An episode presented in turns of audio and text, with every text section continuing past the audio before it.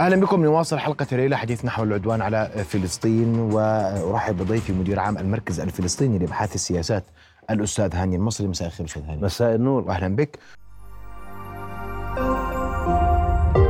رؤيا بودكاست.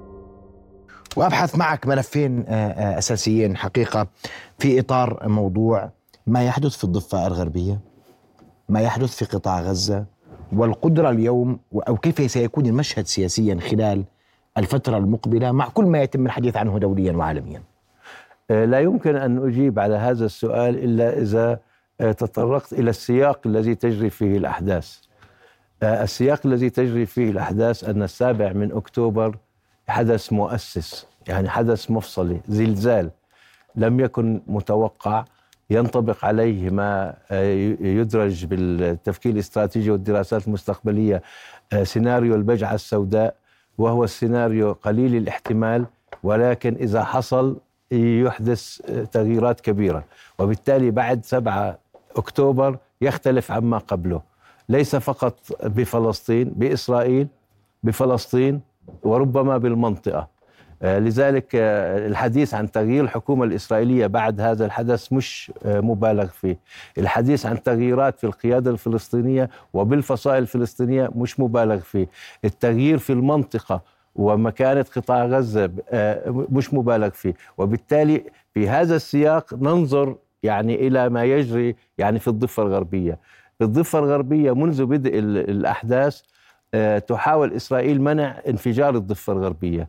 ولكنها تقوم بكل ما من شأنه دفع تفجير. الأمور نحو الانفجار م. يعني على عكس ما تريده يعني إسرائيل حتى الآن اعتقلت 4000 آه، آه، شخص من الناشطين وأساتذة الجامعات والنقابات وليس من الشباب الذين يتظاهرون أو يقاومون بالشوارع وإنما من زبدة المجتمع الفلسطيني لمنع حدوث انتفاضة أو انفجار يعني كامل أيضا قتلت إسرائيل 275 يعني فلسطيني منذ السابع من أكتوبر وأكثر من 2000 جريح.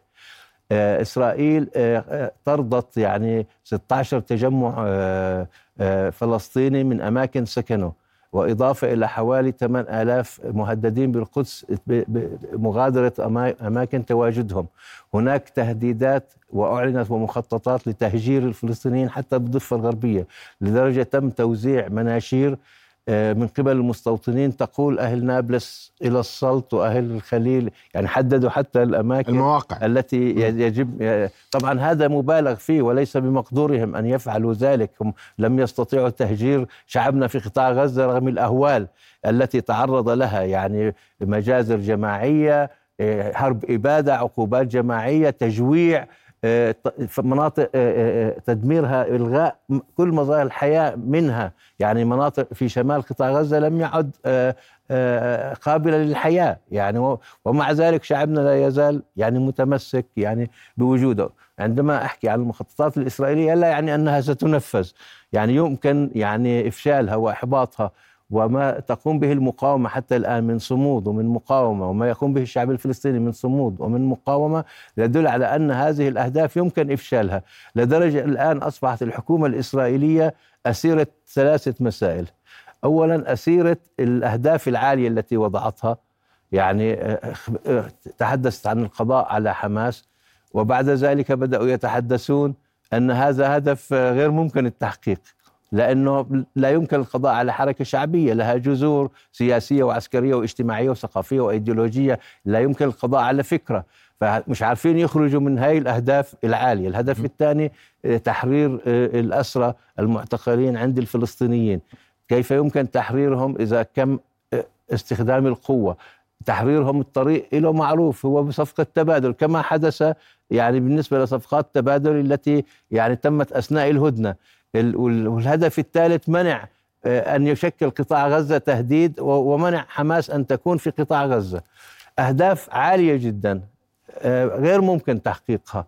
لو قالوا مثلا هدف إضعاف حماس مثلا يعني يمكن تحقيقه بس القضاء على حماس القضاء على المقاومة وحماس جزء من الحركة الفلسطينية جزء من الشعب الفلسطيني الواقع تحت الاحتلال واللي بتمارس عليه إسرائيل كل أنواع الجرائم منذ عشرات السنين هذا هدف غير واقعي أيضا الحكومة الإسرائيلية رهينة المصالح الشخصية لنتنياهو ولوزير الحرب ولرئيس الأركان وللقيادة السياسية والعسكرية اللي, اللي حدث 7 أكتوبر في عهدها وهو مثل إخفاق كبير جدا.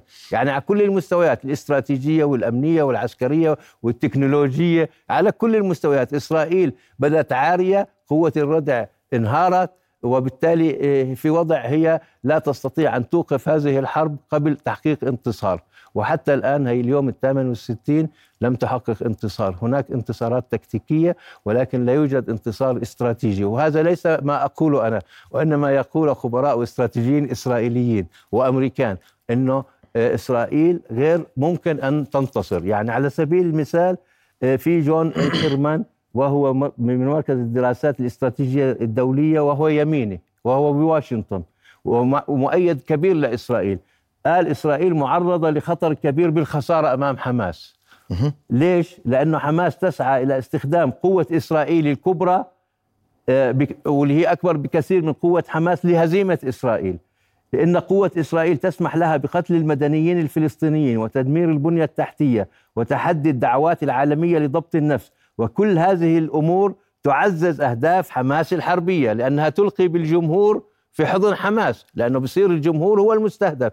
إسرائيل ما فرقت بين الجمهور والشعب الفلسطيني وبين حماس وحتى لم تفرق ما بين الجمهور وحماس وبين السلطة الفلسطينية. استمعنا لتصريحات نتنياهو اللي يعني بهاجم فيها السلطة الفلسطينية وبرفض فيها عودة السلطة الفلسطينية إلى قطاع غزة واللي يعني قال انه السلطة الفلسطينية بدها تقضي على إسرائيل على مراحل وحماس بدها تقضي يعني على إسرائيل فعلى الفور وبالتالي لا يفرق يعني ما بينهم وهذا عمل افتراق كبير بينه وبين بايدن الرئيس الأمريكي وعبر عن نفسه هذا بتصريحات علنيه يعني بالايام الأخيرة نعم. لأنه إسرائيل خسرت معركة الرأي العام العالمي خسرت آه، آه، آه، المكانة الأخلاقية. هي ومن دعمها زي الولايات المتحدة. وبالتالي هذا انعكس على فرص بايدن بالانتخابات الأمريكية القادمة. لذلك نلاحظ أن هناك حراك يعني أمريكي لمحاولة إقناع إسرائيل بتغيير أسلوبها. الولايات المتحدة تريد ضرب حماس وتريد القضاء على حماس ولكن ليس بهذا الأسلوب. استهداف المدنيين بهذه الطريقة وكما قال وزير الدفاع الأمريكي أوستن أنه استخدام هذه القوة العمياء يؤدي إلى خسارة استراتيجية لأنه حرك العالم كله يعني العالم كله وخاصة بالولايات المتحدة والدول الغربية تتظاهر ضد الجرائم التي تقوم فيها إسرائيل تتعاطف مع القضية الفلسطينية وهذا أدى إلى التغيير. انظر كيف كان تصويت مجلس الأمن في البداية وكيف التصويت الأخير؟ بالتصويت الأخير الولايات المتحدة الأمريكية وجدت نفسها لوحدها. حتى بريطانيا امتنعت عن التصويت. وبقية الدول أيدت مشروع القرار. بالجمعية العامة للأمم المتحدة 153 دولة أيدت القرار.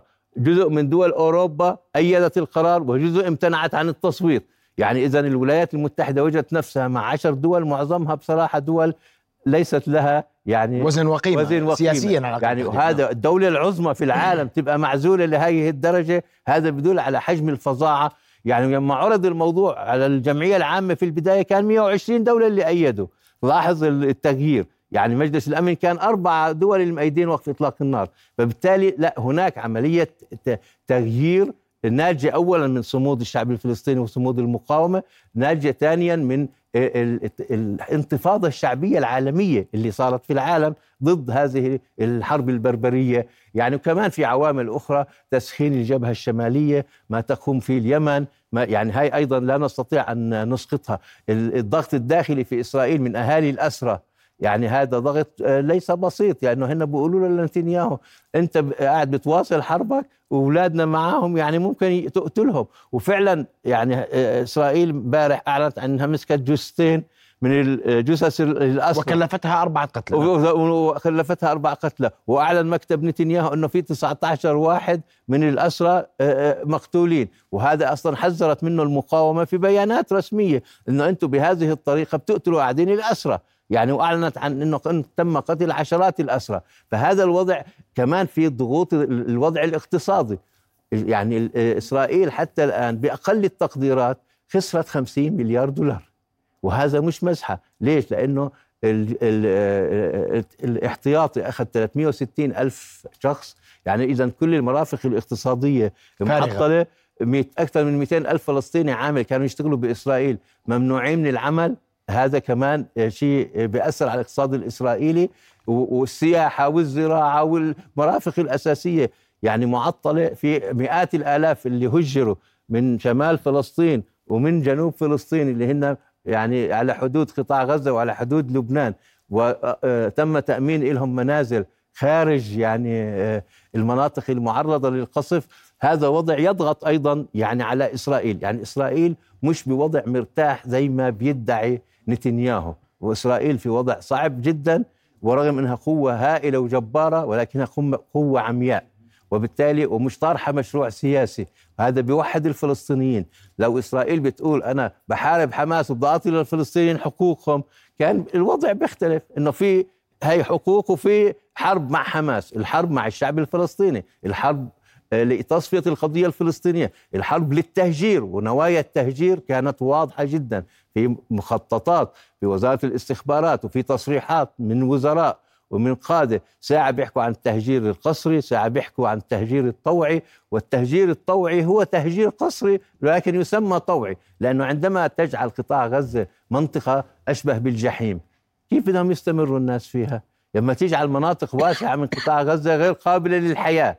يعني حتى لو توقف إطلاق النار الآن فيش مدارس فيش مياه فيش بنية تحتية فيش مستشفيات فيش آه، عمل فيش آه، جامعات فيش هذا الشيء سيدفع قطاعات لا بأس بها للهجرة إذا لم يتم تدارك الأمر من قبل الفلسطينيين أولا والدول العربية والدول الإسلامية وكل الدول في العالم بوقف الحرب ولعمل حملة إعمار وليس إعادة إعمار. في مناطق بدها إعمار من البداية يعني وليس يعني مجرد يعني فبالتالي الوضع اللي إحنا فيه وضع آه، كتير حساس فيه مخاطر عظيمة فيه كوارث ولكن فيه بطولة. في ناس بتشوف ال- البطولة لوحدها غلط وفي ناس بتشوف الكوارث لوحدها غلط وهذه ال- ال- البطولة أدت أن القضية الفلسطينية الآن أصبحت على صدارة الاهتمامات الدولية. لا- كما لم تكن من قبل مع أنه قبل شهرين ونص كان في حديث أن القضية الفلسطينية أصبحت نسيا منسيا وكان نتنياهو يعتقد إنه يستطيع أن يعمل تطبيع ويتجاوز القضية الفلسطينية وانه هذا الأمر صار من الماضي. انقلب ال- السحر على الساحر انقلب الوضع بشكل كامل. القضية الفلسطينية تلاحقه مهما تكون نتيجة الحرب. يعني إنه هلأ في درس لأي خبير لأي سياسي أنك لا تستطيع أن تتجاوز الفلسطينيين، لا تستطيع أن تتجاوز القضية الفلسطينية، وعندما تعتقد ان الموضوع أصبح تحت السيطرة يا بنشأ مرة انتفاضة يا بنشأ مرة موجه آه، مقاومة شعبية مو- موجة مقاومة مسلحة أو طوفان الأقصى. يعني وكل مرة حتى لو ينجحوا يعني اضعفوا فتح إجت حماس. طردوا منظمة تحرير من لبنان اجى حزب الله.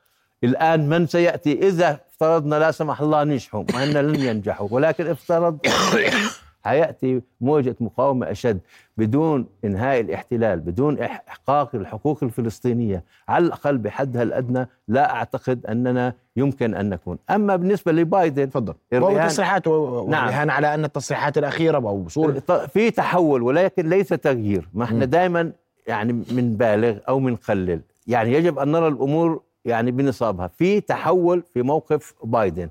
هذا التحول ناجم إنه إسرائيل مش قادرة تحقق أهدافها وإنه هو قاعد بيخسر مش بس بالاستطلاعات ومكانه الولايات المتحدة الأمريكية في المنطقة. فبالتالي يريد أن يغير من الأداء الإسرائيلي. لكن لم ينتقل حتى الآن للضغط. هو طلب إذا بتلاحظ تغيير الحكومة ما طلبش إسقاط الحكومة. في فرق. يعني ما هو الناس لم يسقط نتنياهو آه يعني لم بس- مع إنه كان بالأول الحديث عن إسقاط الحكومة هو أصلا لما شافه أول مرة قال له ارحل. مم. يعني هذا بس لقاء بي- بينه وبينه يعني. هلأ بيقول له غير الحكومة يعني قيم ال- العناصر الأكثر تطرفا يعني في إسرائيل. طب إذا أنت بدك تغير بس العناصر الأكثر متطرفه ما هو اللي ضد الدولة الفلسطينية أكثر من أي شخص آخر هو نتنياهو وهو أعلن بالأيام الأخيرة عدة مرات انه الزعيم الإسرائيلي الوحيد القادر على منع قيام دولة فلسطينية هو نتنياهو. فبالتالي أنت إذا عن جد جدي يا بايدن بدك تعمل دولة فلسطينية وبتكيش تضحك علينا مرة تانية. لأنه صار من ساعة ما استولى سدة الرئاسة وهو بيقول حل الدولتين بس مش الآن حل الدولتين بس مش الآن بدون وضع خطة بدون وضع آلية بدون ضغط على إسرائيل. كيف يمكن أن يكون هناك دولة فلسطينية إذا لم يكن هناك ضغط داخلي وخارجي هائل على إسرائيل؟ لأنه في إسرائيل السائد تيارات توسعية متطرفة عنصرية أصلا بتفكر بأنها قادرة على حسم الصراع مع الفلسطينيين وتحقق ما لم تحققه الحكومات الإسرائيلية السابقة. وفي برنامج الحكومة هناك بند يتحدث عن الضم. هذا فكرة أول مرة ببرامج الحكومات الإسرائيلية. كان في أشياء تؤشر إلى إمكانية الضم. ولكن هلأ في هذه الحكومة في بند يتحدث عن الضم.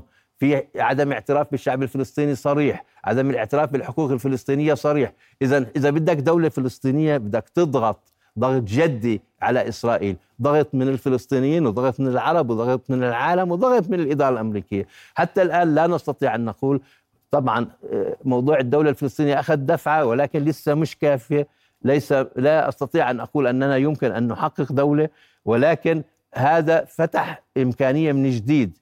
كانت الظروف تغيرت أيوة. المعادلات تغيرت, تغيرت والأفكار تغيرت والعالم يشعر بأهمية نعم. وجود حل للمنطقة هذا الشيء المهم أنه في تغير محدود آه، يمكن أن نبني عليه ولكن حتى نستطيع أن نبني عليه يجب أن يتوحد الفلسطينيون الانقسام الفلسطيني يستنزف الطاقات الفلسطينية ويعطي ذريعة لإسرائيل ألم يزد طوفان الأقصى آه، حالة انقسام الفلسطيني برأيك؟ زاد ولكن ما قام به نتنياهو بالأمس وإنه حط السلطة وحماس بنفس السلة. وقال فتحستان وحماستان مرفوضتان. وقال هدول بدهم قضاء على إسرائيل مرة واحدة وهدول بدهم قضاء على إسرائيل على مراحل. هذا بضعهم بسلة واحدة. يعني إذا كان في عندهم أوهام لكن هذا شرط موضوعي. لم يتحول إلى شرط ذاتي. يعني بمعنى لم تتوفر الإرادة اللي بتقول إنه يا جماعة لازم نتوحد. من المتعنت اليوم برأيك؟ السلطة الفلسطينية يعني وفتح أم حماس؟ أنا رأيي يعني بشكل أساسي الرئيس الفلسطيني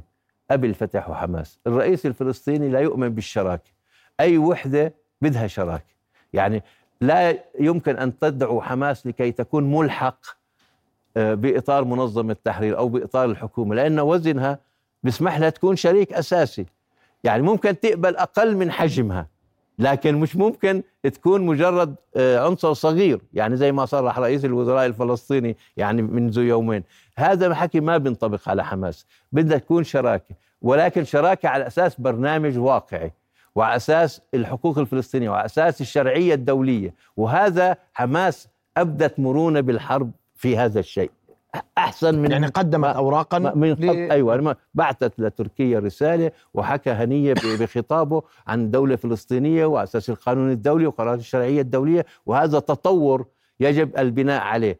لكن آه، آه، الخشية من عقاب إسرائيل لأنه إسرائيل لن ترحب بالوحدة الفلسطينية. ودائما كانت إسرائيل تضع القيادة الفلسطينية بدك تختار يا إما حماس يا إما إسرائيل. وهذا كان يصرح فيه نتنياهو بشكل كبير. ولكن آه، يجب إطاحة حكومة نتنياهو ويمكن أن تطاح بحكومة نتنياهو. الآن هناك آه، آه، مطالبة بالعودة إلى المظاهرات التي كانت قبل 7 أكتوبر. في ناس بيطالبوا من اللي كانوا بيتظاهروا للعودة إلى المظاهرات. هلأ في مطالبة باستقالة نتنياهو قبل إنهاء الحرب. وهذا شيء ملفت للنظر دائما عادة بيتم إنه بعد الحرب بيكون لجان التحقيق بعد الحرب بيتم تغيير الحكومة. لأنه بيعتبروا إنه هو يجير يعني الحكم الآن لمصالحه الشخصية لأنه بده يطيل الحرب حتى لا يعاقب وحتى يهرب من المحاكم لأنه عليه أربع تهم كبرى بالمحاكم الإسرائيلية نعم. أيضا فبالتالي له مصلحة خاصة بالاستمرار وكمان بدوش آه، تحت ابتزاز الأحزاب المتطرفة لأنه هددوه إذا بتوقف إطلاق النار بنحل الحكومة. بنحل الحكومة. فأزمة مركبة لكن المشهد في قادم الأيام قد يشهد تعديلا نعم. وتغييرا. نعم. أشكرك كل الشكر هاني المصري مدير عام المركز الفلسطيني لأبحاث السياسات على وجودك معنا اليوم شكرا, شكرا جزيلا لك شرفتنا بحضورك. شكرا. رؤيا بودكاست.